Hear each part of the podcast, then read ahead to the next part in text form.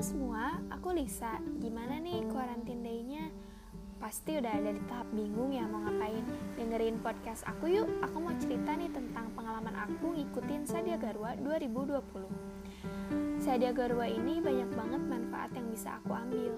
Mulai dari mengenal satu angkatan, kenal sama cutting, belajar disiplin, dan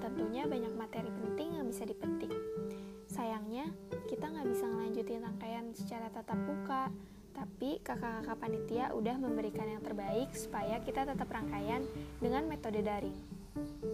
Pesan dari aku, semoga Sadia Garwa bisa menjadi awal untuk membentuk solidaritas angkatan. Oh iya, tetap sehat selalu ya teman-teman dan jaga kesehatan. Oh, gak lupa makasih buat kakak-kakak panitia yang udah